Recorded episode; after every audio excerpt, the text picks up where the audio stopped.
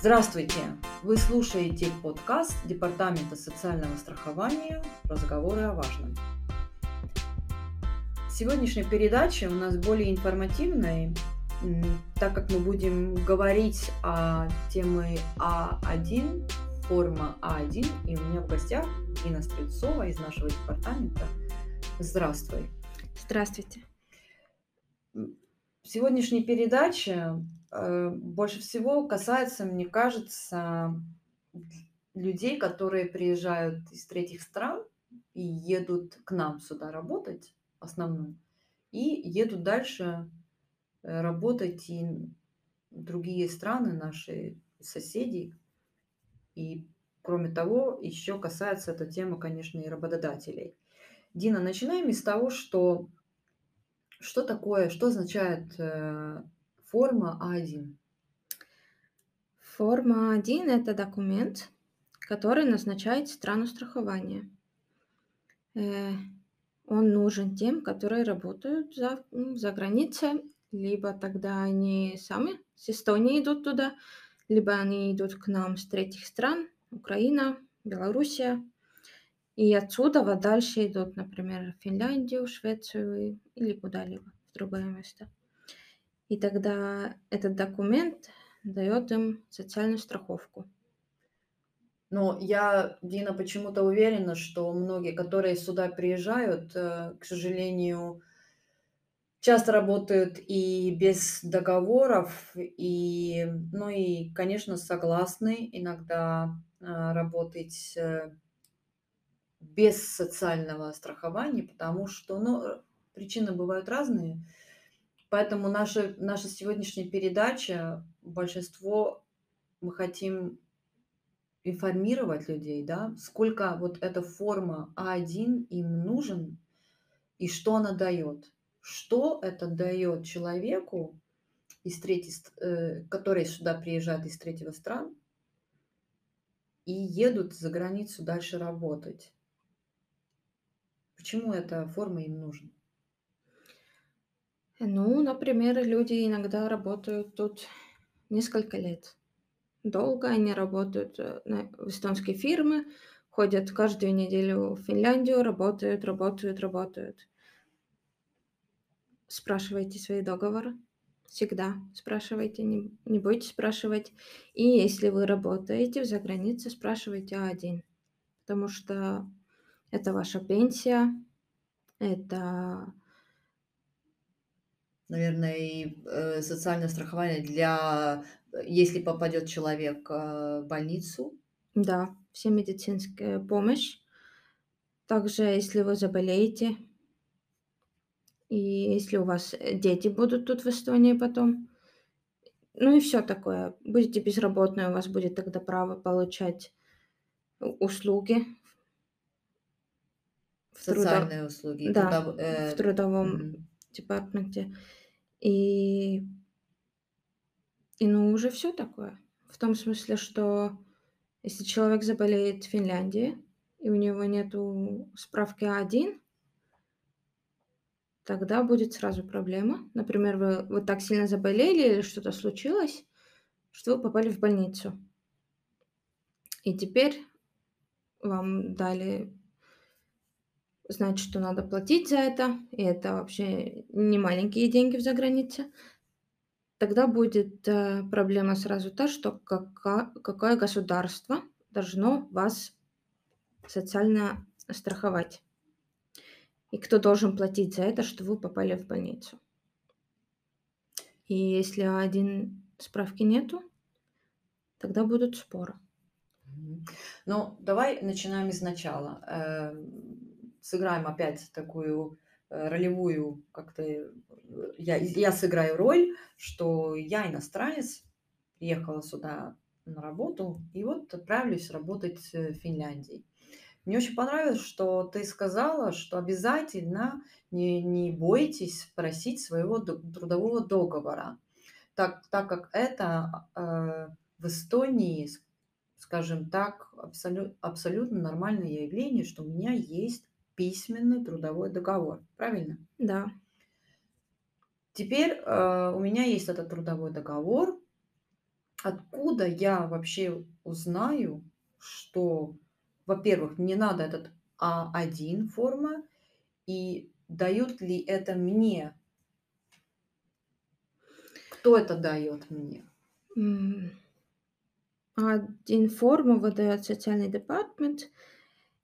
Но мы это не даем прямо как человеку.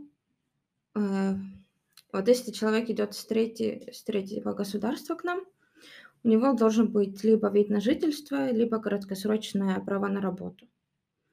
Если у него есть вид на жи на жительство, у него есть, э, возможность зайти в портал СТЭ, и там видно, э, все документы. Там можно посмотреть и налоговый департамент, есть ли там зарегистрирован зарегистрированная моя работа.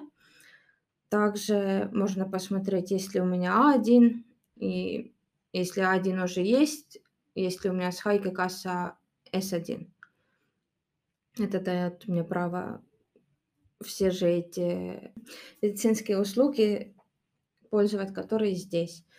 Но для этого надо сначала ходатайство от А1, и после этого только С1. Можно я спрошу здесь? Вот я, э, вошла вот это sta.ee, когда у меня есть вид на жительство для работы. Могу ли я во-первых, я увижу, если они она у меня уже, значит, работодатель мне это уже сделал. Допустим, если не сделала, я сама тоже могу подавать на, э, на форму А1? Если работа в нескольких государств, ну, в Эстонии там, например, в Финляндии или еще где-нибудь, тогда может работа э, работник сам тоже. Мгм.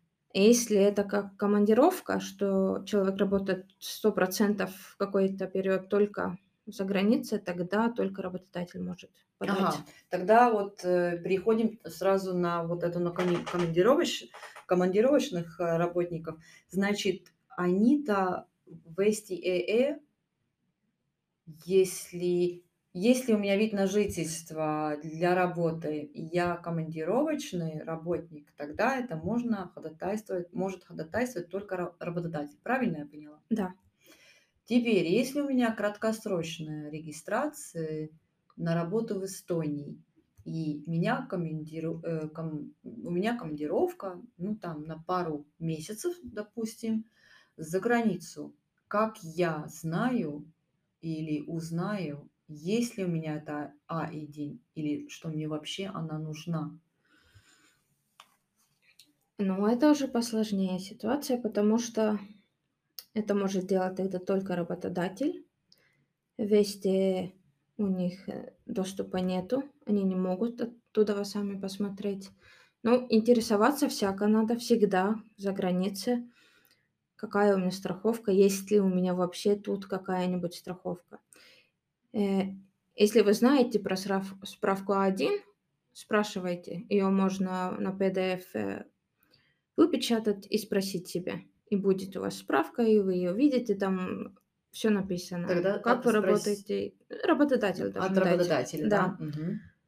А работодатель мне скажет: "Э, едь уже, вот, э, билеты есть, э, уже, чтобы выезжать из Эстонии, э, что я потом тебе отправлю". Это что означает? Что это так или на самом деле он мне ещё не оформил, э, А1 форму? Ну, это может значить, что, может быть, уже сделали, и по какой-то странной причине не может сейчас дать эту. Но на самом деле я бы не пошла. Мгм. Потому что всё-таки надо самому за собой заботиться и смотреть, и думать, что вот я туда иду, у меня есть билеты, у меня есть договор, у меня есть стра справка, мгм. которая говорит, что я страхован, например, в Эстонии. И я могу туда идти, я знаю, что все налоги за меня заплатят, и всё в порядке. Заболею, у меня там есть возможность к врачу сходить, у меня пенсия будет, э, считаться и всё такое. Если не дадут, я бы спросила бы, почему. Можно всегда позвонить нам, спросить, есть ли у меня такая справка. Вот я подумала, опять, когда тебя слушаю и думаю, постоянно вот и с точки зрения обычного человека. И почему-то задаю постоянно тот вопрос, что ну вот почему, а почему, почему мне вот это все надо? И я пришла к, к ответу, а почему бы и нет? Потому что если я работаю, тогда кто бы отказался добровольно от социального страхования на самом деле? Я думаю, никто. Никто. Но почему-то люди, наверное, и соглашаются. Э, я думаю, тема э, такой черная зарплата, да, что эм, соглашаются на то, что налогов не платят, и как бы я получаю э, больше из-за того, что... Почему так люди делают? Я даже не знаю этот ответ. Я думаю, потому что они не знают на самом деле. Что вот, да, вы наличие получите больше денег, когда вы по черному работаете, но а если вы заболеете, что тогда будет? Вот тогда будет так, что работодатель отправляет тебя просто домой. То, что я вижу как э, в практике. И человек тогда начинает, конечно, и возмущаться, что и, и, и, едут, и едут домой, когда они болеют. Хотя они работали э, и сослуживают э, и за свою работу, и социальную страхование, э, страховку и страхование.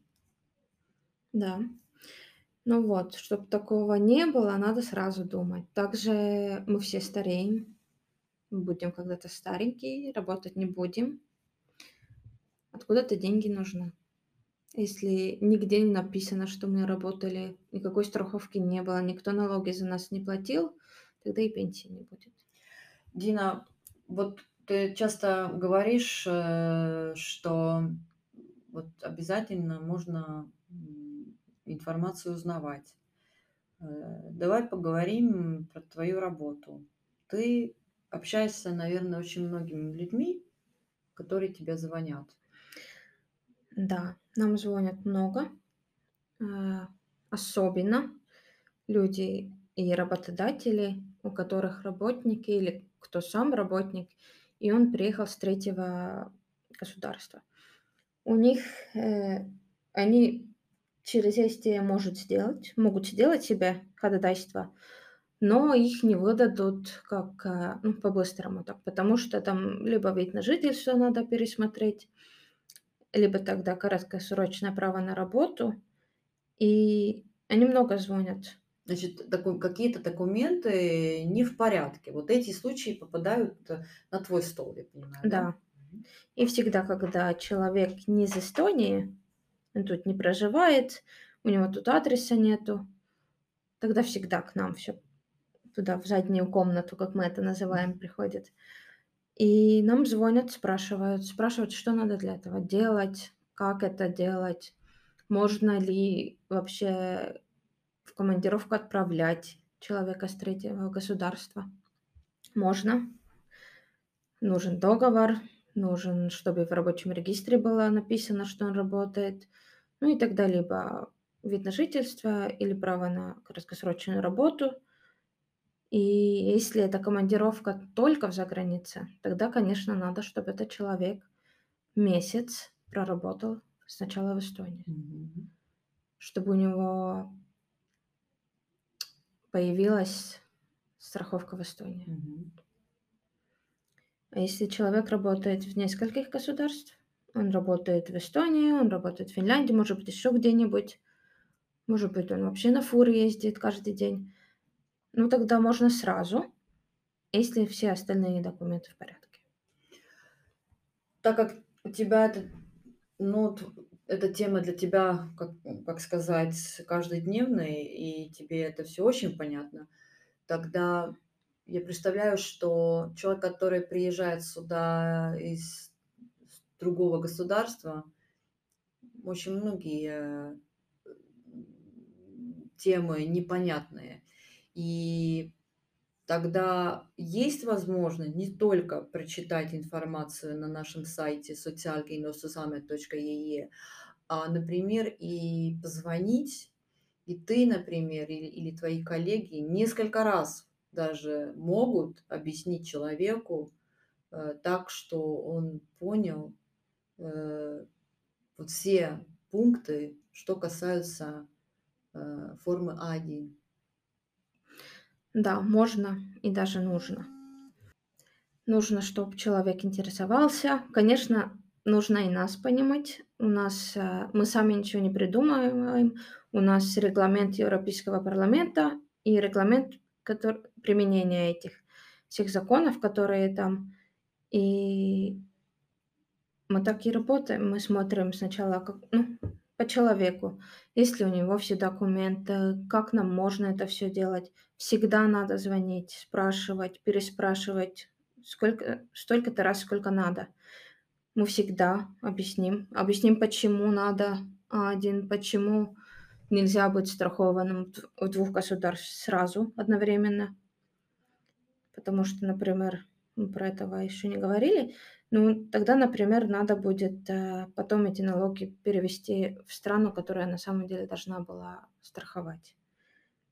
Человек не может сам выбирать, где он будет страхован, и работодатель также не сможет выбрать, где человек будет страхован.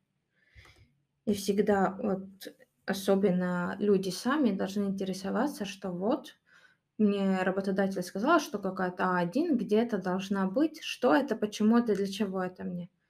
Если вы не понимаете, звоните. Например, прочитали, всё ещё не поняли, надо звонить, надо спрашивать. Мы всегда будем стараться всем это так объяснить, чтоб все поняли. Мне очень понравилось, что ты сказала, что если человек уже звонит и спрашивает очень много вопросов, это значит, что уже человек заинтересован и хочет понимать. Так что, э, ваше дело, э, объяснить, объяснить и ещё раз объяснить. Да, всегда. Дина, твой вот обычный день. Я понимаю, что ты много общаешься и с клиентами, и бывают очень разные клиенты, наверное, да? Да, и есть клиенты, которые очень злые, которые не понимают, которые думают, что мы сами сидим там вместе и думаем: "А, а ему дадим? Нет, ему не дадим. А мне имя не понравилось". Такого на самом деле нету. У нас всё-таки регламент для этого. У нас, э всякие Правила, Да, наверное. правила, принципы, как это делают. Все одинаково делают в Европе это. Это не так, что мы тут в Эстонии хотим кому-то плохое. Нет.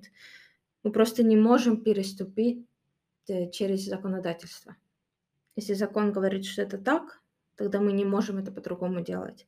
Мы всегда стараемся быть э, понятливы, попробовать столько помочь, сколько мы можем, чтоб было человеку удобно, чтобы у него не было никаких неприятностей из-за этого.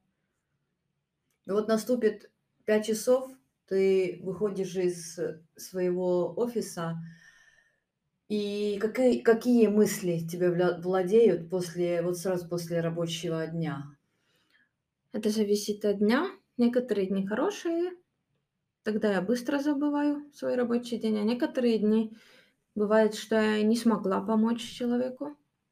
Я это, конечно, переживаю, думаю всё время как помочь, могу ли я вообще помочь. И, ну да, я иногда совсем такая расстроенная из-за этого, что я не смогла помочь.